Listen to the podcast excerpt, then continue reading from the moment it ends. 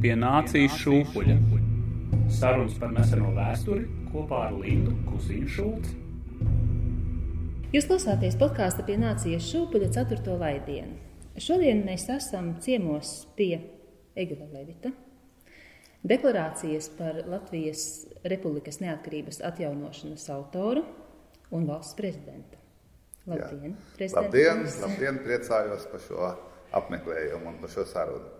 Lielas gods, ka jūs mūs piekritāt uzņemt. Un man pirmais jautājums ir, tā kā mēs runāsim par to laiku, kad Latvija vēl nebija brīva, man ienāca prātā, vai, vai jūs kādreiz esat domājis par to, ka ir zināma līdzība starp jums un Zikfrīdu Annu Mējerovicu pirmās Latvijas, tajā mm. brīdī, kad Latvija ieguva neatkarību?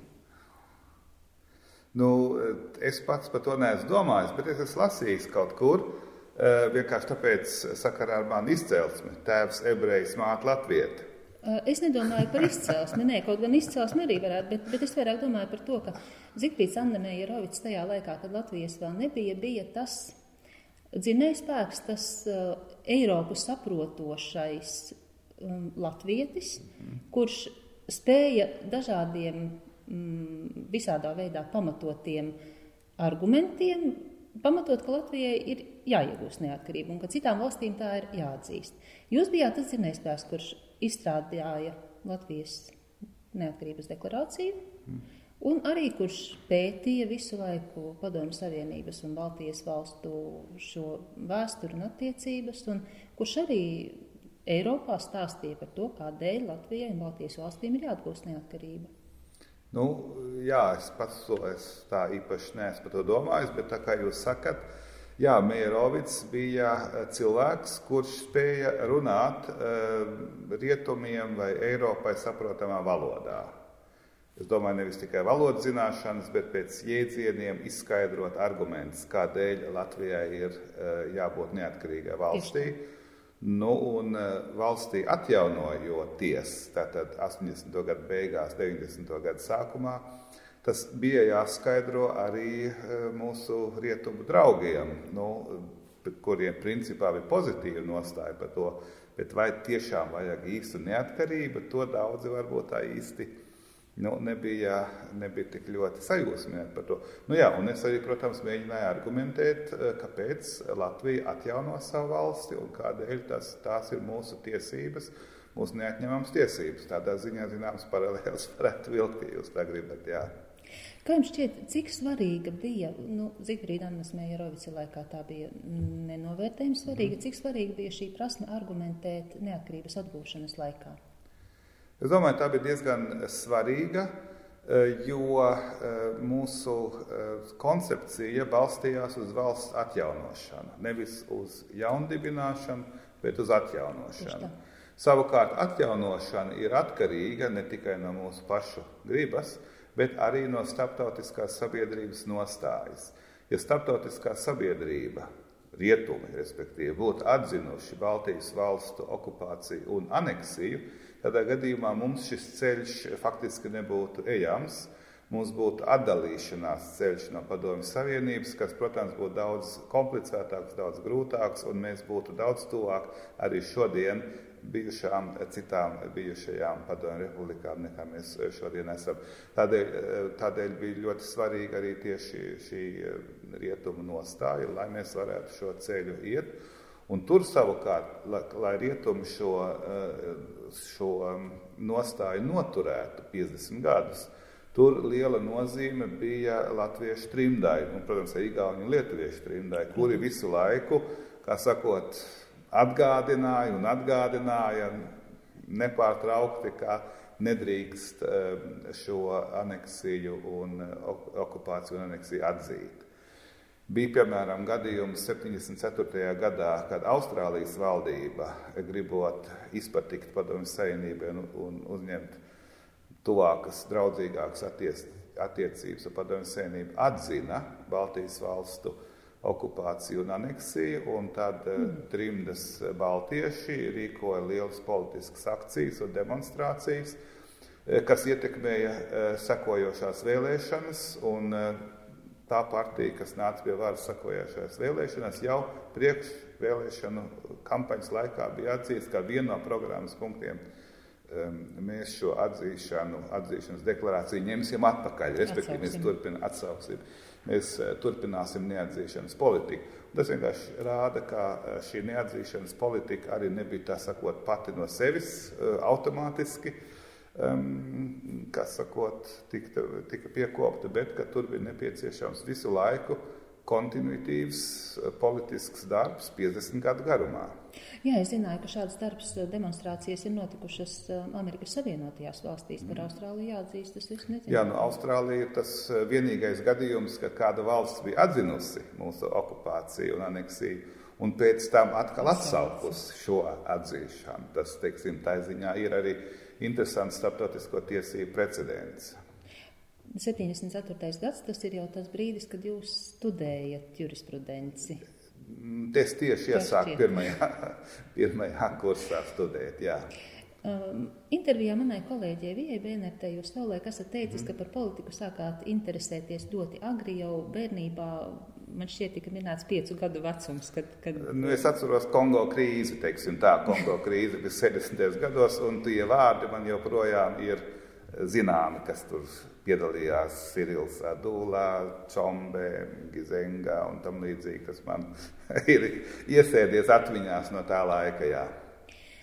Un kā šī interese pārveidojās pēc tam, kad jūs jau dzīvojāt Vācijā? Jūs arī mm. beidzāt ministrijas latviešu ģimnāziju, mm. vispirms izmācījāties vienu gadu ķīmiju, vai ne, mm. ja es mm-hmm. pareizi saprotu, un pēc tam iestājāties jurisprudencē. Mm. Uh, Kā, kā šī interese noturējās? Jo jūs taču varējāt, jūs bijāt jauns, jūs bijāt brīvā valstī, jūs varējāt vienkārši priecīgi dzīvot un nedomāt ne par kādu Latviju Padomju Savienību. Es teiktu, divi faktori. Viens faktors, e, jo mani patiešām interesē valsts. Valsts, kā darbojas valsts, kā darbojas demokrātija. Un varētu teikt, tas ir mans e, profesionālais profils. Un es pieeju valstī un demokrātijai no divu zinātņu aspektiem, no juridiskās zinātnes un no politiskās zinātnes. Es izstudēju abas, eh, abas zinātnes, un tā kā valsts ir mans pētījumu un, un interešu objekts, un otrs, es teiktu tā, tas varētu būt kategoriskais imperatīvs, tāpat kā daudziem trimdus latviešiem, nu, mums ir iespēja iestāties par savu valsti, eh, un mums tas ir jādara, jo eh, nu, tiem cilvēkiem, kas eh, ir Latvijā, tas nav iespējams neapdraudot sevi. Un es teiktu, tas ir, tāds, tas ir tāda politiska nostāja, protams, bet tā ir viena no atbildības sajūta, eh, kas bija daudziem trījus latviešiem. Mums šeit ir, mēs dzīvojam brīvībā, un tas nozīmē, ka mums jāiestājās par tiem, par savu valsti, kuri to nevar paši darīt. Tas ir, teiksim, kategoriskais imperatīvs, ja mēs runājam tādā, eh, tādās filozofiskās kategorijās. Bet savukārt, lai iestātos par neatkarīgu valsti, ir jā, jāzina, ka neatkarīga valsts ir pastāvējusi. Vai to jūs jau uzzinājāt ģimenē? Jā, to, to gan es uzzināju jau ļoti, ļoti agri, cik es sāku domāt. Un, eh, jo nu, gan nu, man vecāki teiksim, to skaidroja sevišķi, protams, tēvs, kurš arī bija politiski interesēts cilvēks.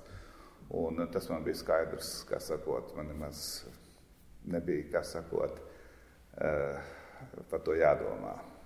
Un tad, jūs sākāt tā saucamās sovietoloģijas studijas, šķiet tā tajā laikā tas tika atzīmēts, vai tā bija nu, kā lai pasaka, vai tā bija prestiža tēma, vai tā bija tēma, kas interesēja Vācijas sabiedrību akadēmiski um, vismaz? Teiksim tā, akadēmiski tā bija diezgan šaura tēma. Tas nebija īpaši mans studiju, bet vēlāk darba objekts gan Ķīles universitātē, gan vēlāk Vācijas un Austrumēropas pētniecības institūtā Gettingenā. Tas bija nu, mans, mana darba darba objekts.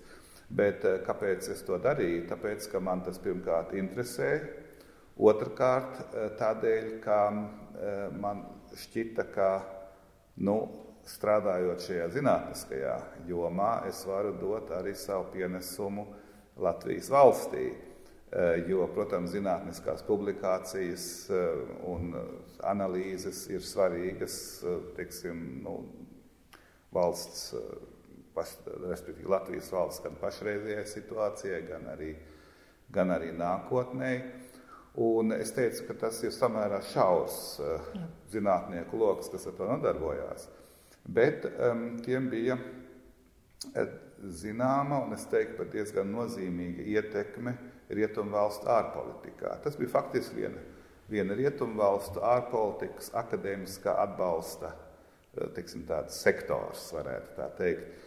Gan Amerikas Savienotās valstīs, gan Vācijā, gan Lielbritānijā, gan citās valstīs bija šī zinātniskais novirziens, eh, kas deva argumentus un arī analizēja situāciju teiksim, eh, toreiz lielajā pretiniekā, tas ir padomju blokā, un lai rietumi varētu nu, pareizi savu politiku īstenot, viņiem vajadzēja zināt, un, kas tur notiek, un tie arī bija šie cilvēki, kas nodarbojās ar ar Padomju Savienības zinātnisko izpēti un analīzi, dodot arī padomus attiecīgai e, valdībai, kā veidot viņu politiku attiecībā pret Padomju Savienību. Tā kā cilvēku skaits tas nav teiksim, ļoti populārs zinātnē, mans pēc tā kā medicīna vai, vai kāds cits.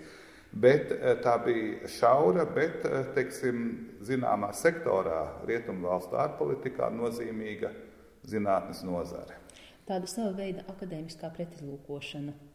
Nu. Nu, tā varētu arī varētu, teiksim, tā ļoti eh, analoģi, analoģija varētu teikt. Teiksim. Protams, toreiz bija pasaule sadalīta divos lielos blokos, kuri stāvēja viens otram pretī. Un starp viņiem eh, aizskars. Un starp viņiem jā, dzelzs aizskars, bet eh, gan rietumiem, protams, interesēja, kas notiek kas notiek padomju senību, cik tā ir stabila, eh, kādas tur, eh, kādas tur teiksim, iekšēji procesi notiek. Tie bija cilvēki, kas to prata. Un vēl kas ir svarīgi, varbūt tieši arī, eh, varbūt, nu, es teiktu tagad manā gadījumā, teiksim tā, padomju sistēma, kas ir pilnīgi cita sistēma nekā rietumos, rietumu sistēma, ir nepieciešams ar rietumu metodēm, ar rietumu priekšstatiem analizēt šo sistēmu. Respektīvi, jo padomju sēnības sevi analizēja ar savām metodēm, Protams. un līdz ar to tas bija, eh, kā sakot, neadekvāti no, no demokrātijas, no demokrātisko priekšstatu viedokļa. Un tādēļ eh, tas, teiksim, vēlāk, kad es varbūt 90. gados un vēlāk, kad es varbūt mēģināju palīdzēt um, izveidot tiesiskas valsts sistēmu. Protams, tas man uh, bija ļoti, ļoti palīdzīgi šī mana iepriekšējā pieredze, jo pirmkārt es zināju, kā vajag darboties tiesiskai valstī, tas ir no vispārējām tiesību zināšanām, bet arī kā atšķirās sociāliskā tiesību sistēma no rietumtiesību sistēmas, jo es jau to iepriekš pētījis. Un tas, protams, ir, bija liela, liela priekšrocība un, un, un nu, svarīgs, svarīga prasme šajā transformācijas periodā tieši. Tātad padomu sistēmu analizēt ar rietumu metodēm. Lai atcerētos svarīgo, sarunas par neseno vēsturi pie nācijas šūpuļa. Tajā laikā, kamēr jūs analizējāt padomju sistēmu ar rietumu metodēm, 80, 80. gadu sākums, vai jūs varējāt kaut iedomāties, ka jūsu dzīves laikā varētu Latvija. Ak, tā jūs, starp citu, uzrakstījāt, kurā gadā tas bija? Jūs uzrakstījāt prognozi. Ah, jā, 85. gada maijā. Tātad, tātad 85. gada maijā es rakstīju, tas ir Kanādā iznākošā žurnālā Vāga par eh, Latvijas valsts atjaunošanas koncepciju. Un toreiz es teicu, ka uh, vajag Latvijas valsts atjaunot, nevis dibināt no jauna, jo teiksim, tas ir pašnoteikšanās tiesības, ir grūtāks ceļš, konsekventāks un, un vienkāršāks ceļš, atjaunošanas ceļš.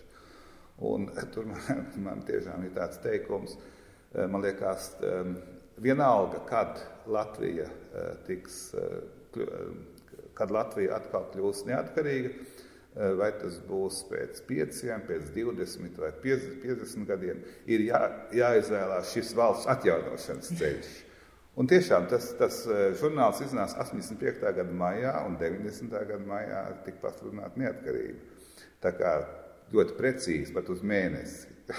tas īsākais periods, bet es teicu, tā 5, 20 vai 50. Nu, teiksim, kaut kāda, teiksim, no, nu nebija nekāda priekšstata, ka tas varētu notikt. Bet kā tas notiks, es domāju, ka tas, nu, man šķita, ka tā tas noteikti notiks, jo viens no šiem analīzes rezultātiem ir tas, ka šāda padomu sistēma nevar eksistēt ļoti ilgi, tā nav ilgtspējīga. Dažādu iemeslu dēļ, tagad mēs neiesim, bet tā nav ilgtspējīga, tā noteikti sabruks. Un, un šī zināšana vai šī doma man bija nu, vienkārši tāpēc, ka es tā, pirmkārt, tā vēlējos, Tas arī vēlmju domāšana, bet otrkārt tā bija, es teiktu, zinātniski, zinātniski pamatota vēlmju domāšana. Tajā, nu, tajā iespējamajā pēc 5, mm. 20 vai 50 gadiem, vai tiešām, ja tagad skatās, vai tiešām būtu bijis iespējams pēc 50 gadiem atjaunot to Latvijas republiku, jo vecā trimda jau būtu mirusi pēc 50 mm. gadiem, trešā paudze par Latviju vairs īpaši neaizdomājas, vai, vai tas būtu bijis reāli, vai šis nebija tomēr pēdējais brīdis, tie pieci gadi? Es jums pilnīgi piekrītu, bija, tas bija pēdējais brīdis, un faktiski tādēļ tas bija pēdējais brīdis, ka, protams, arī padomu savienība nejūtās ļoti droša par Baltijas valstīm, par Baltijas republikām, kā viņi toreiz to sauca. Eh, un, eh, jo pret latviešiem, igauniem, lietuviešiem bija neusticība no padomu režīma puses. Um, un, eh, un, protams, bija kolaboracionisti, kas sadarbojās, bet teiksim, principā šī neusticība bija, un šī neusticība bija pamatota. Tā bija pamatota. Un kā var tā, tomēr panākt to, lai šī iespējamā Baltijas valsts neatkarības atjaunošana nenotiktu, tas bija rusifikācijas politika, iesūtot daudzus krieviski runājošos Baltijas eh, padomju savienības pilsoņus, ir sevišķi Latvijā, arī Igaunijā, mazāk Lietuvā, eh, lai panāktu to, ka no nu, latvieši paliek mazākumā savā zemē. Un, protams, ja ir mazākumā, tad ir samērā grūti eh, teiksim, atkal sākt. Pat ja izdevīgi apstākļi būtu, bet eh, tomēr tas būtu samērā grūti šī atjaunošanas. Bet šajā minētajā rakstā, 85. gada maijā, man neizdevās to atrast. Jā, es jums vēl vēlāk viņu iedod. Eh, šajā, šajā minētajā rakstā ir runa par to, vai tur es runāju par to, ka toreiz bija teiksim, latvieši drusciņi, drusciņi vairāk kā 50%. Um, ņemot vērā to, kā man šķita, ka šī rusifikācija turpinās, ka tomēr varētu teorētiski atjaunot šo neatkarību, tādēļ, kad es tur sameklēju arī e, vairāk starptautisko tiesību precedentus, kad teiksim, tādā referendumā par neatkarības atjaunošanu varētu piedalīties tikai īstenie Latvijas pilsoņi. Tas ir juridisks starptautisko tiesību jautājums. Un es mēģināju jau, kā sakot, preventīvi argumentēt, pat tad, ja latvieši būtu minoritātē, tomēr varētu atjaunot šo valsti. Tas bija šajā rakstā. Tas pirmais solis uz pilsoņu kongresu. Jā, jā. Bet pilsoņu kongresa ceļš tomēr neizdevās galu galā. Pilsoņu kongresa ceļš eh, bija ļoti svarīgs, bet eh, tas, ehm, kā sakot, beigās eh, teiksim tā, izdevās un neizdevās vienlaicīgi. Izdevās tādējādi, ka pilsoņu kongresa ceļš ir pamatā 4. māja deklarācijai. Tas ir valsts atjaunošana, respektīvi ehm, Tautas fronte un augstākā padoma pārņēma šo argumentāciju. Um, šis ceļš līdz 4. māja deklarācijai bija uh, tāds attīstības ceļš, domas attīstības ceļš. Un uh, šeit um, ir tā, ka katram politiskajam spēkam bija sava loma, un tas bija faktiski viens vienots process, kas sastāvēja no vairākiem elementiem, Un šie elementi neapzinājās to, ka viņi veido vienotu procesu, es tā teiktu, un bieži strīdējās savā starpā. Un es pateikšu, kāds šis, kāds, kāda loma katram bija. Jā. Teiksim, tā saucamajiem um, radikālajiem spēkiem, kā toreiz to sauc. Šodien tas nav radikāli, tas ir normāli, visapkārt. Bet toreiz tie, kas uh, pieprasīja Latvijas valsts neatkarību, neatkarības atjaunošanu, tādu pašā sākumā, 86. un 87. gadā, bija ļoti maz, kas atklāti to darīja. 88. gadā tā bija vairāk, radās arī pirmās tā saucamās neformālās organizācijas.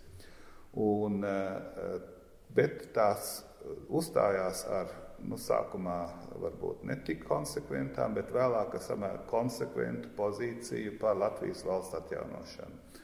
Bet tās bija samērā nelielas grupas.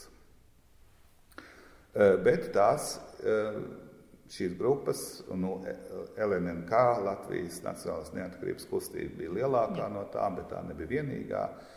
Un, un tā, kas saka, formulēja ideju, kas bija toreizējiem apstākļiem radikāla. Tad tautas fronte, kas bija tāds liels kopējs veidojums vai jumts visām, uh, visām visiem cilvēkiem un organizācijām, kas teiksim, gribēja pārmaiņas sākumā, eh, tā apvienoja visus tos, kuri eh, nu, negribēja palikt līdzinājā situācijā.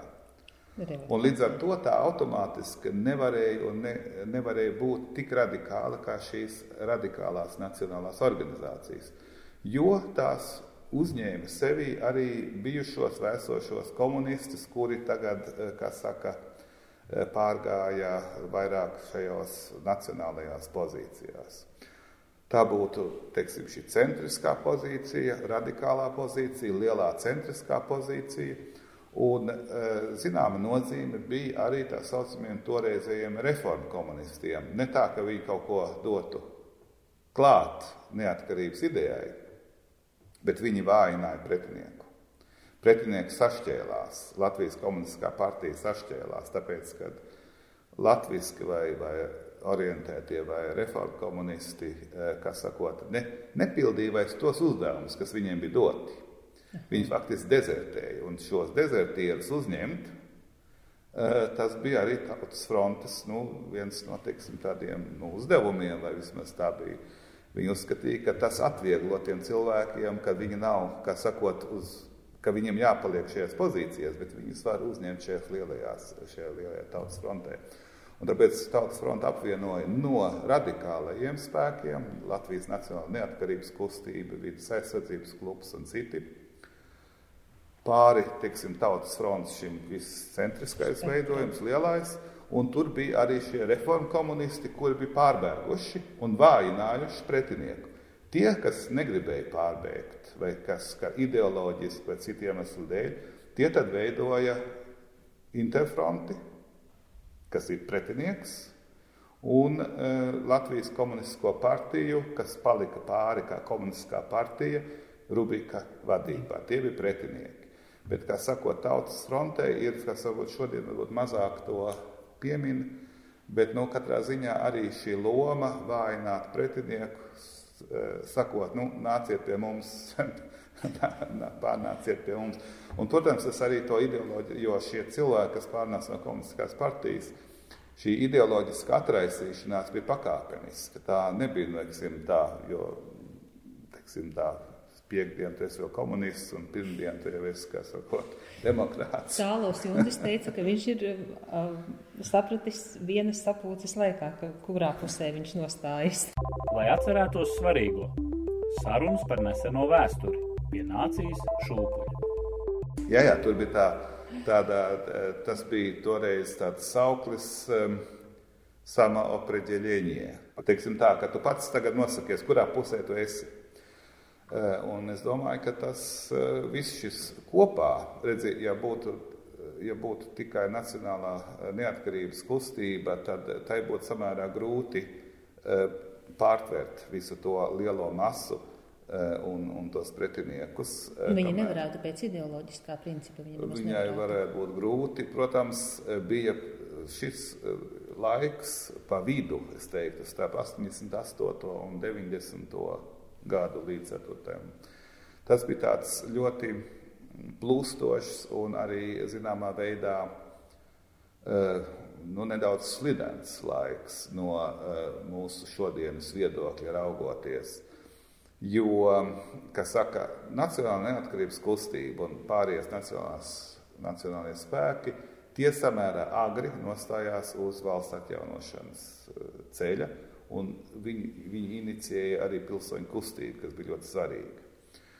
Um, bet eh, viņiem nebija, teiksim tā, lai atjaunotu valsti, ir vajadzīgs divi faktori, divi faktori vienlaicīgi.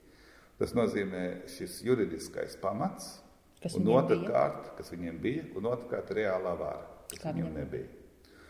Un eh, šeit ir, eh, teiksim tā, citādāk jau varētu katrs pasludināt savu valsti, bet nekas nenotiek, tā nav valsts. Otrakārt, eh, var būt, kad ir reālā vara, bet ja nav šis juridiskais pamats, tad tas ir nu, vienkārši vara bez neleģitīma vara bez juridiskā pamata. Ir jābūt abiem diviem pamatiem.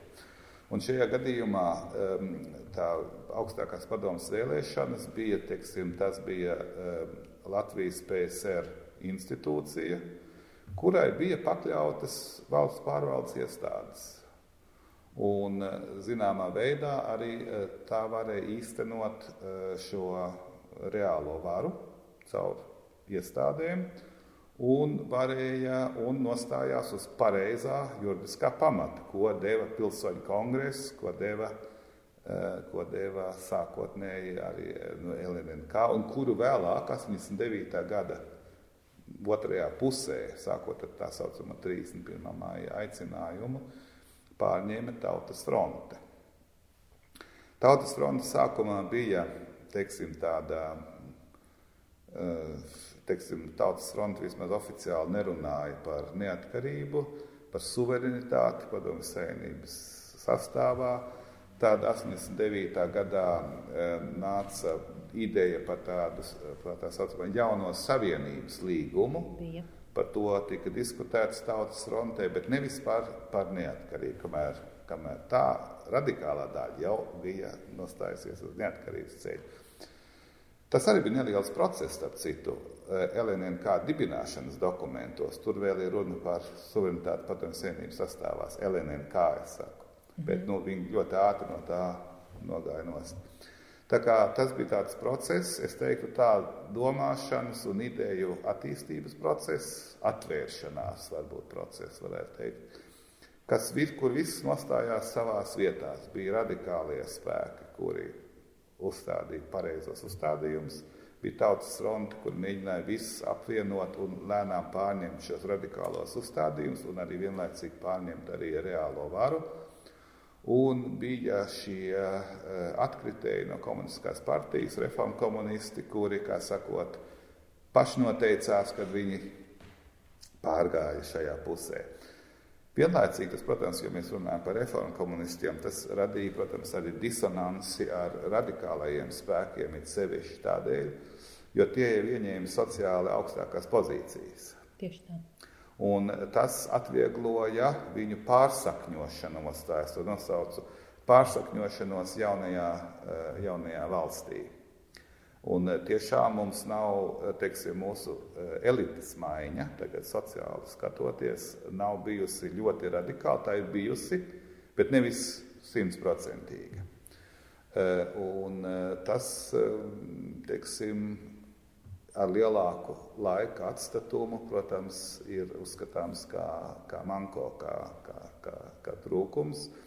Bet no tā laika pozīcijām tas, kad viņiem bija iespēja pārnākt es tagad to nosaukšu tā, Latvijas pusē, tas vājināja pretinieku, ja viņi būtu visi kā mūris nostājušies tajā padomju savienības Rubika pozīcijās. Tad uh, iznākums būtu, būtu nu, grūtāk pateikt, kā tas varētu būt bijis. Tas arī viss bija svarīgi, un katrs pildīja savu lomu. Man šķita, toreiz šeit darbojoties, nu es, es apmēram tādu redzēju un domāju, tā kā es jums tagad stāstu. Un, bet runājot ar visiem šiem atsevišķiem elementiem, kas veidoja šo kopējo procesu, nu, es, protams, redzēju, ka nu, viņi uzskatā, viņi to kopējo bieži neredz, neredzēja. Ir grūti redzēt kopējo procesu, kad ja tu esi procesā iekšā. iekšā. Tā, jā, tā kā tas arī ir ir tev nav normāli. vispār nekādas distances no tā procesa Jā, atšķirībā no jums. jā, bet tas, kā sakot, beig, beigās arī neko sliktu neradīja. Teiksim, valsts ir atjaunota uz, uz eh, demokrātijas, demokrātisku valsts, uz satversmes bāzes, uz valsts nepārtrautības bāzes. Un, un, un, teiksim, kopš tā laika mēs, kā sakot, pēc zinām transformācijas perioda, kas arī īpašs periods, jo eh, šajā laikā, un es teiktu tā no 90. līdz 2004. gadam, mēs atrodamies teiksim, tādā nekonsekventas demokrātijas situācijā, kur teiksim, ir lielie elementi satversme, piemēram, ir demokrātiska, bet um, reālā cilvēku rīcība nu, īsti neatbilst šiem principiem. Jūs domājat, tagad jau atbilst? Es domāju, ka tagad lielās vilcienā, nē, nu, es, te, es teiktu tā, ka, ka principā atbilst, ka principā atbilst, mums katrai, katra valsts vienmēr nes līdzi savu vēsturi, savu tuvāko un tālāko vēsturi, un šī ir mūsu tuvākā vēsture un ir ar neapbruņotu aci redzami dažādi elementi no šīs vēstures, bet mēs varam redzēt vēl, kas no šodien nav tik būtiski, arī mūsu tālākās vēstures elementus, piemēram, cariskās Krievijas elementus vai pat Livonijas elementus. Un es teiktu, arī senlatviešu elementus mēs varam redzēt šodien. Es pat teiktu, ka senlatvieši ir vieglāk saskatīt nekā Livonijas. Nu, Livonijas, paskatieties arhitektūru, Rīgas, Rīgas, Rīgas arhitektūru, teiksim, arī priekšstatus par, par, par sabiedrību. Tur, tur ir visādas, visādas ietekmes, kas mums šodien ir. Un, un šī padomu ietekme ir tā pēdējā ietekme, kas bija pirms valsts atjaunošanas. Protams, mums ir ļoti liela ietekme arī um, Latvijas valsts periodam starp 1918 un 40 gadu. Tā kā neviena valsts nevar tikt radīta tukšā vietā. Tam mums būtu, kā sakot, nepieciešama šī amnēzija un vēsturiskā atmiņa nāk līdzi. Bet principā tas ir katrai valstī. Un, teiksim, mēs varam teikt, ka šodien Latvija ir demokrātiska, to es ar pilnu atbildību saku, ir demokrātiska, ir tiesiska valsts, un mums ir atsevišķas problēmas, kas ir, kas ir risināmas tāpat kā jebkurai citā valstī. Lai atcerētos svarīgo, sarunas par neseno vēsturi pie nācijas šūpuļa. Man mazliet satrauc nepatīkami tas, ka tieši tagad, 30 gadē kopš esam atguvuši neatkarību, šur un tur izskan tādas uh, nu, balsis par to, ka tā kā šī neatkarības atgūšana nebija pilnīgi perfekti tīra, tajā piedalījās komunisti un, un arī daži čekisti, kas ir atrasts čekas maisos, balsoja par Latvijas neatkarību. Tad, tāpēc tagad šī, šī neatkarība ir neleģitīma un mums kaut kādā citā veidā ir jāatgūst atkal sava valsts. Mm -hmm. Jā, tāda, tādas, tādas domas izskan. Um, bet man jāsaka, ka valsts netiek radīta tādā veidā, ka cilvēki apsēžas pie galda un uzzīmē un uzraksta visu, un tad valsts notiek. Valsts vienmēr tiek izcīnīta, un cīņa vienmēr ir uh, saistīta ar. Uh, tā nav, kā sakot, tādā veidā panākams realitātē, te, teiksim tā. Un es domāju, tas, ka Latvija vispār varēja atjaunot savu valstiskumu 90. gadā, tas tomēr ir ārkārtīgi neticami tas gadījums, jo viss faktiski varbūtības teorija saka, pilnīgi tas nav iespējams, bet tomēr mēs to izdarījām. Un es domāju, ka tas ir jānovērtē šis panākums tajā situācijā, kāda tā, tā bija, jo tā varēja ar daudz, daudz lielāku varbūtību arī arī nebūtu. Un um, neviena valsts nav ideāla, bet pēc, ideālas, pēc ideāla ir jācenšas. Un, ja mums šodien ir trūkumi valstī, kā jebkurai valstī, tad uh, mūsu uzdevums un mūsu teiksim, aicinājums būtu šos trūkumus, kas šodien ir, uh, tos uh, labot un tos uzlabot. Un, uh, nevis, kā sakot, gausties par to, ka toreiz lūk, kaut kas nepareizi bija izdarīts. Tagad ir demokrātiska un tiesiska valsts, un faktiski gandrīz viss var izlabot, ja, ja mēs uzskatām, ka kaut kas nav pareizi, un to mēs arī ikdienā darām. Eh, varbūt šeit vēl parādās teiksim, tāds eh, demokrātijas brieduma trūkums. Demokrātija visu laiku ir diskusijas un, eh, un par ikdienas jautājumiem, ir diskusijas un domstarpības teiksim, tāda vēlme pēc uh, absolūtas harmonijas, viņa nav, nav iespējama, uh, jo uh, tie cilvēki, kas domā, ka vajadzīga ir absolūta harmonija, tie domā sekojoši pēc būtības. Visiem ir jādomā tā, kā es domāju. Tad viss būs pareizi. Bet nu, tā tas nav, un tas arī nebūtu pareizi, ja tiešām tas tā būtu. Tad tā būtu totalitāra diktatūra.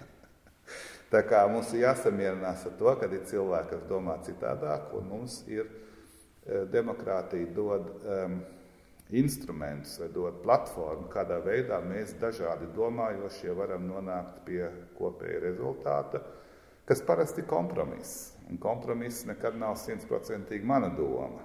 Bet, neviens nekad nav pilnīgi apmierināts. Tieši tā, un ar, mums ir jābūt apmierinātiem ar to, ka neviens nav pilnīgi apmierināts. Nekā, teiksim, tas ir realistisks skats uz, uz demokrātiju. Nevis ideālistisks, bet realistisks skats uz demokrātiju.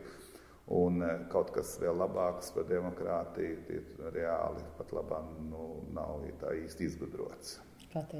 Jā, jā. ja mēs atgriežamies 80. gados atkal, paralēli tam, ka jūs strādājāt domājāt par Latvijas mm -hmm. valstiskumu un, un Padomju Savienības un, un Baltijas valstu attiecībām. Paralēli tam Vācijā pašā noritēja Vācijas atkal apvienošanās. Mm -hmm. Kā šie procesi vai tie kaut kādā veidā arī uh, ietekmēja Vācijas sabiedrības nostāju attiecībā pret Baltijas valstīm?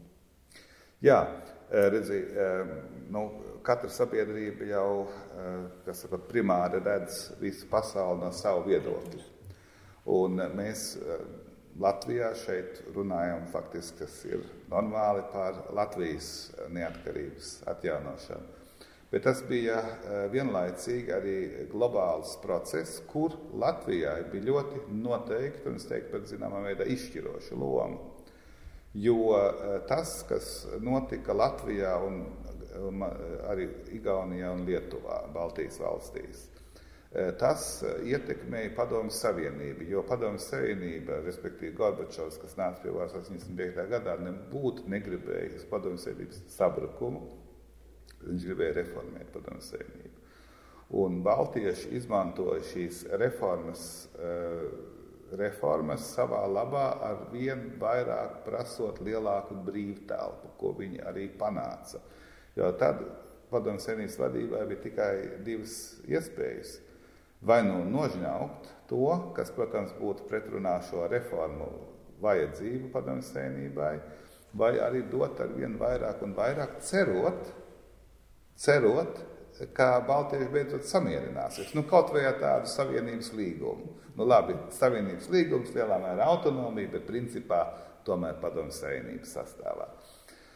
Tas, tas neizdevās, un tāpēc, ka Baltieši samērā precīzi soli pa solim palielināja savu brīvtelpu, tas radīja, protams, tādu vēlmu arī citiem palielināt savu brīvtelpu, ieskaitot pašiem Krieviem, Krievijā. 91. gada janvārī Maskavā, kad, kad, kad notika uzbrukums Lietuvai un arī Latvijai 91. gada janvārī, tad notika Krievijas vēsturē viena no lielākajām demonstrācijām. Baltieši atbalstam, pusmiljons cilvēku tur piedalījās. Tā kā tas viss veicināja padomju savienības sabrukumu. To, ko mēs šeit darījām, nu, tas, tas sakot, veicināja padomju savienības sabrukumu, savukārt padomju savienības sabrukumu veicināja vai mazspēja, kas veicināja nacionālās un demokrātiskās kustības padomu blokā Polijā, Čehijā, Ungārijā un, un citur. Un beigu beigās tas noveda pie visas šīs eh, bipolārās sistēmas, tātad padomu savienības bloka, padomu bloka sabrukuma. Un šeit latviešiem ir ļoti noteikta un svarīga loma, pasaules vēsturiska loma. Nu, nav daudz tādu brīžu, ka latvieši ietekmēja pasaules vēsturi, bet nu, šis ir tas brīdis. Eh, bet man jāsaka, arī teiksim, jūs prasījāt par Vācijas apvienošanu. Vācijas apvienošana arī bija tieši šāda veida soli pa solim process. Sākot ar, eh, ar to, kad nu, tika gāzts šis beidzamais stagnātiskais režīms, tas bija tiešām Austrumvācijā. Un tad bija teiksim, pārējais periods un pārējais valdība, un beigās nonāca pie apvienošanās. Un man jāsaka, ka Baltijas ceļš bija priekšvēstnesis, tas 89. gada 23. augustā, priekšvēstnesis Berlīnas mūra krišanai. Tātad 89. gada 9. novembrī, tā kā tas bija pirms tam, jo austrumvācieši jutās iedrošināti no, no Baltijas ceļa. Tas viss bija liels, liels process, un katrs eh, darbojās savā, savā konkrētā vidē. Bet es domāju, ka retājām eh, bija tāds lielais skats uz visu, kas teiksim, notiek, šis lielais, lielais process. Un es teiktu, tas bija atkal laiks, kad sakustējās vēsture. Un tas bija tādi gadījumi, ir nav daudz. Teiksim, 20. gadsimtā pirmais bija teiksim, 14. un 20. gads, tātad Pirmais pasaules karš, Krievijas revolūcija un, un, un pēc tam. Tātad, ja mēs apskatāmies pasaules kārtu 14. un 20. gadā, mēs redzam, tur ir ļoti daudz pārmaiņas. Otrs ir tātad Otrais pasaules karš, 45. gadā atkal cits, cita situācija, un trešais, 89. un 90. gads. Un pat labāk mēs dzīvojam šajā 89. un 90. gados ieliktajā, es teiktu, lielajā vēstures eh, rāmī, ietvarā. Tas attīstās tālāk, varbūt kaut kas vēl pēc kāda laika kaut notiks, tikai uh, ir interesanti dzīvot tieši šajos pārmaiņu periodos, šajos nav viegli, bet interesanti. Un, piemēram, arī literatūrā kad ir aprakstīti šādi veidi dzīves, ka tevi nes, bet tu arī, kā sakot, vari kaut ko darīt tādu, ko tu normālā situācijā nevarētu darīt. Lai atcerētos svarīgo, sarunas par neseno vēsturi pie nācijas šūpuļa. Jūs atgriezāties Latvijā pēc pārtraukuma 1987. gadā pirmo reizi. Jā. Tas ir pietiekami liels pārtraukums. Jūs aizbraucāt vēl kā skolnieks, atgriezāties. Mm -hmm jau kā nobriedis cilvēks, profesionālis. Mm -hmm. Kāda bija tā sajūta atgriežoties? Um, tā sajūta bija, man jāsaka, deprimējoša. Jo, ja tu dzīvo te visu laiku, tad bija, nu, tā normāli, ka sakot, tu kā bērns, kā pusaudzis šeit dzīvo un visi zini un tā.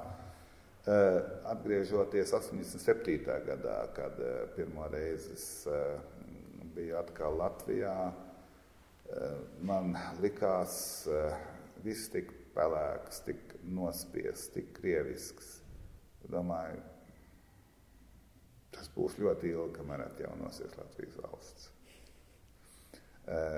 Jo nu, tas kontrasts, teiksim, ir tas uzreiz redzams. Jā, tā, tas bija, tā, tā bija tāda nospiedoša sajūta. Bet vienlaicīgi arī teiksim, nospiedoša sajūta lielos vilcienos, bet 87. gadā, jūs atcerieties, jau bija pirmie asniņi, uh, pirmie asniņi, nu, uh, disidenti un... un, un uh, es tajā laikā mācījos skolā. Un disidenti mūsu apkārtnē nu, jā, nebija. Nu, jūs viņus nemanījāt, bet es, ne, ne, es arī satiku, es arī satiku uh, cilvēkus, kuri uh, arī nu, tagad es uh, zinu viņus, kā, kā nu, kurš pēc tam ir sakot, aizgājis. Eh, un tas atkal deva tādu, tādu, teiksim, tādu mazu cerību sasniegt. Eh, tomēr ir cilvēki, kuri, kuri domā citādāk un kuri cīnās. Jā. Tas man bija arī tā, tāds tas, tas pozitīvais moments. Jā. Jo toreiz, 87. gadā, jau arī faktiski sākās Helsinki 86, nodibinājās 86. gadā. 87. bija arī pirmās demonstrācijas, pie, vai ziedu nolikšana, varbūt demonstrācija būtu par daudz teikts, tātad eh, pie brīvas pieminekļa. Un, uh, es arī tos cilvēkus tur satiku un, un uh, mēs runājām. Un tā. un ir jau vēl viens aspekts, kuru jūs noteikti arī izjutāt dzīvodams Vācijā. Uh, Ķimnes mhm. latviešu un Latvijas mm -hmm. latviešu sabiedrības attiecības jau arī nebija visu laiku gludas un, un vienkāršas, jo, jo arī šeit bija pa vidu sajūtas no vienas puses par to, ka tā, tie, tie ir nodevīgie rietumi, kā teica oficiālā ideoloģija, un savukārt, mm -hmm. savukārt tie, kam bija radinieki rietumos, zināja mazliet vairāk, kas tas -hmm. ir. Un, Un savukārt no rietumiem bija tā, tā sajūta, ka nu, tie latvieši, kas ir palikuši šeit, tie ir, tie ir ne, arī mm. nepārāk pareizi, jo ir padomju cilvēki. Nu, varbūt tā bija, bet nu, lielā mērā tomēr bija eh, zināma eh, vienotība. Kaut gan bija teiksim, tā, no tiem cilvēkiem, kas dzīvoja Latvijā, nu, viņi bija zināmā veidā iebiedēti un varbūt arī pamatoti, jo pēc tam es zinu, starp citu, ka es apmeklēju cilvēkus Rīgā, pēc tam Viņiem bija jāiet skaidroties, ko es, es ar viņiem runāju. -hmm. Tā kā, tāpēc tāda zināmā nu, nedrošība, bet arī vienlaicīgi arī vēlme, vēlme uh, uzzināt. Tā kā, es teiktu, tas bija no apstākļu, apstākļu rezultāts. Bet, um, bet uh, lielos vilcienos es domāju, ka tas tā īsti ir īsti nebija. Bija, protams, mēģinājums arī eh, neutralizēt trimdas latviešus, latviešu organizācijas no, no Čekas puses. Un, uh, bet, uh, nu, es teiktu tā, šeit tie ierobežojumi bija tādi, kas tas kontakts varbūt padarīja tādus nu, atturīgākus, bet nu, katrā ziņā cilvēki ļoti, kā sakot, interesējās viens par otru. Es kā students biju gids padomju turistu, respektīvi, vai, teiksim, tā latviešu turistu grupā Aves Sol, piemēram, kad viņi rīkojās, rīkoja savus koncertus rietumos, ko viņi, protams, brīnījās, ka viens latviski runājošs gids viņus pavada tur, jā. Un tur varēja skaidri redzēt, ka šie cilvēki, šiem cilvēkiem bija līdzi arī čekistu uzraugi, kuris, protams, tūlīt tika identificēti. Es viņus pats zinu, kā viņus var labāk redzēt. Piemēram, no rīta viesnīcā, eh, kad ir brokastis, čekists ieņēma pozīciju stūrī. Tā viss var novērot. Viņš, vis, viņš var redzēt visu, jā, tas ir, jā. Nu, jā. Un, eh, bet cilvēki pēc tam, kad es viņu neredzēju, šis čekis nebija klāt, nāca klāt un, un teiksim, ļoti vēlējās runāties un, un, un tam līdzīgi. Tā kā bija, teiksim, kad nebija uzraudzība vai domāja, ka nebija uzraudzība, tad arī tagad um, pazīstam mūziķi tur bija tajā. Nu jā, katrā ziņā es teiktu, ka tas, uh, kā latvieši bijis, bija, kas sakot, pievilka viens otru, teiksim, gan uh, tiem, ka tie, kas dzīvoja Latvijā, trimdu un otrādi. Lai atcerētos svarīgo, sarunas par neseno vēsturi pie nācijas šūpuļa. Un tajā laikā, kad uh, tika izstrādāta Latvijas neatkarības deklarācija, tas notika nu, zināmā mērā slepeni tomēr. Nu, tādā nozīmē, protams, ka jūs negājāt, neteicāt, mēs tagad izstrādājam Latvijas neatkarības deklarāciju, bet, bet nu, arī, arī tās. Nu, es teiktu tā, neslepeni, bet eh, ne arī īpaši atklāti. Tā. Eh, tātad neatkarības deklarācijas izstrāde eh, notika, nu, varētu teikt, no marta otrās, no vidus līdz tātad, jā, no 18. marta. Tad 18. martā bija augstākās padomas vēlēšanas. Um, toreiz pirms vēlēšanām visas diskusijas balstījās vai teiksim, bija vērstas uz to jautājumu, ko drīkstēs nākamā augstākā padomē, ja iegūs tautas fronte vai neatkarības piekritēju vairākumu. Ja viņi, ja viņi neiegūs vairākumu, kas notiks? Ja viņi iegūs vairākumu, bet nevis divu trešdaļu vairākumu, un ja viņi iegūs divu trešdaļu vairākumu, tā kā viss bija vērsts uz to, lai iegūtu šo divu trešdaļu vairākumu. Un uh, pirms tam uh, es biju publicējis literatūrā un mākslā tādu rakstu, programmatisku un koncepcionālu rakstu, kas ir jādara katrā gadījumā pirms vēlēšanām. Pirms vēlēšanām. Mm -hmm.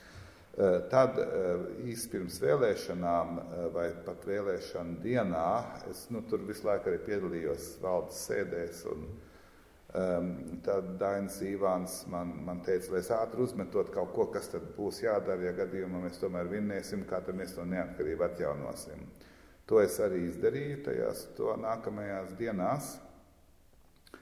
Un eh, man šķiet, tas bija 21. martā. 20. martā vēl nebija gluži skaidrs, vai tautas fronte tur eh, uzvarēs, vai vismaz iegūs divu trešdaļu vairākumu, jo vairākos apgabalos vajadzēja atkārtot, atkārtot balsojumu, jo nebija nesasniedz nevien, neviens vairākumu. Bet 21. martā notika Zinātņu akadēmijā pirmā tautas frontes, no tautas frontes ievēlēto deputātu sanāksme, un tur es uzstājos ar teiksim, tādu referātu par to, kas būtu jādara, kā atjaunot šo neatkarību. Un tas ir arī piefiksēts šie domas, un tas balstījās uz šo koncepciju, ko es tad ap 18. un 21. martu biju izstrādājis. Un varbūt vēl viena piezīme 20. martā, tad iepriekšējā dienā es satiku Rolandu Rikārdu, kuru es eh, labi pazinu jau pirms tam. Un man viņš šķita ļoti tāds eh, koncepcionāli un struktūrēti domājošs cilvēks. Un mēs runājam par to, ka vajadzētu tagad, kā sakot, ņemt savās rokās šo neatkarības dokumentu izstrādi. Uh, Jo tur jau arī bija citādāk orientēti cilvēki, kas nu, vairāk padomu juristi un tā. Um, un uh, mēs sarunājām, ka uh, Rolands Rikārds bez īpašas, uh, teiksim, bez īpaša pilnvarojuma uh, uzaicinās 22. martā, tātad nākamā dienā pēc šīs sapulces, uh, tautas fronts deputātu sapulces, uh, pie sevis mājās dažus cilvēkus, lai, kā sakot, kurš pirmais brauc, tas pirmais mājas. Lai, kā sakot, jau eh, pateiktu visiem, šeit mēs jau esam strād, sākuši strādāt pie šīs neatkarības dokumenta, neatkarības atjaunošanas dokumenta. Jo, ja tur būtu atkal, kā sakot, citi cilvēki sākuši strādāt, tad tas būtu aizgājis pavisam citā virzienā. Un to mēs sarunājām ar, ar faktiski es to liku arī Rikardam priekšā, nu, lai viņš, uz, viņš bija inženieris pēc būtības, nevis jurists, un man likās tas arī pilnīgi pareizi, ka nevis, pardon, jurists, bet viens inženieris uzņēmās tā lietu. Tā kā, viņš to uzņēmā, uzņemās, un viņš to iniciatīvu arī uzņēmās, tāpēc 22. martā mēs satikāmies pie viņa, un tie bija cilvēku romāns apsīts, kurš eh, toreiz pasniedzējis eh, Latvijas universitātē. Tad bija Vilnis eh, Eglājs un es un juristu biedrības priekšētājs Valdis Birkavs. Un tajā 22. martā, tad jau, kā sakot, es viņiem liku tagad jau konkrēti priekšā šo, šo projektu. Toreiz vēl tas nebija vārds deklarācija. Ne, pašā sākumā bija deklarācija, bet vēlāk to pārdomāju, bet beigās atgriezos pie deklarācijas. Un tad vēlāk, mm, marta beigās, izveidoja jau formālu grupu no deputātiem, bet nu, faktiski šie trīs vai četri arī palika vienmēr kodols. kodols un, un turpināja to darbu līdz, līdz 4. Līdz 4. maijām. Tur bija grupā varbūt bija kādi, nezinu, kā desmit cilvēki kopā. Daļa vispār tur nenāca vai, vai neregulāri nāca, bet palika šis kodols, kur bija arī īpaši šie uh, trīs cilvēki. Tātad uh, Rolands Rikārds, Romāns Apsīts, Vilnis Eglājs un es, un tas palika, tā sakot, šajā. Bet faktiski būtībā to deklarācijas operatīvo daļu, tas ir tie juridiskie rīkojumi Tie palika tādi, kā es to sākumā biju formulējis, bet kas nāca klāt, pa ko tad arī bija daudzas diskusijas, šī deklarācijas preambula, redziet, atkal vārds preambula, un deklarācija ļoti izvērsta preambula kur ir aprakstīts, kas ir noticis un kāpēc mēs darām to, ko mēs darām. Un par to daudzi, respektīvi par to notika galvenās diskusijas tagad tajā darba grupā. Un tā preambula sākumā bija īsta, kļuva garāka un garāka, un beigās tā ir tāda pamatīga, pamatīga preambula, kur, kuras galvenais uzdevums bija nostiprināt neatkarības atjaunošanas koncepciju, respektīvi valsts nepārtrautības doktrīnu un skaidrot trim adresātiem, kāpēc mēs darām to, ko mēs darām. Šie trīs adresāti ir pirmkārt Latvijas tauta, otrkārt tā bija Maskava, lai viņiem paskaidrot, mīļie draugi vai nedraugi. Jūs mūs okupējāt, tāpēc mēs tagad atjaunojam savu valsti. Un trešais - rietumiem. Tātad eh, rietumi norādīt, ka jūs nekad neesat jau atzinuši mūsu okupāciju. Nu, lūk, tagad jau mēs arī atjaunojam. tagad atzīstiet mūsu neatkarību. Jā, nu, tieši tā. Tā neatkarības atzīšana gāja vēl diezgan, eh, respektīvi tā, tas bija tāds pusatzīšanas periods. Protams eh, līdz 21. augustam 91. gadā, un tas arī bija tāds, arī pieder vēl pie atjaunošanas procesa. Es teiktu tā, ka Latvijas valsts dibināšana arī bija, bija process, un mēs varam teikt, ka tas eh, iesākās, eh, mēs tas iesākās 17. gada septembrī ar Latviešu pagaidu Nacionālās padomas sanākšanu. Tad, tad ļoti būtisks faktors 18. novembris 18. gadā, tātad eh, valsts proklamācija. Tad uh, 20. gada 8. Eh, tātad, um, augusts um, tātad Latvijas-Krievijas miera līgums un beigās 21. gada 26. janvāris starptautiskā atzīšana. Tas ir vesels process un pa vidu vēl neat, eh, neatkarības karš. Un Latvijā šis process, es teiktu, tā ir nu, var noformalizēt no 90. gada 4. maija līdz 91. gada 21. augustam. Tā kā atjaunošanas process. Prezidenta kungs, paldies jums liels par sarunu. Jā, paldies. Arī ļoti jauki, kad atkal eh, varam parunāt par teksim, šādām pamatotēmām. Paldies! Pie nācijas šūpuļa. Sarunas par neseno vēsturi kopā ar Lindu Kusīnu Šulci.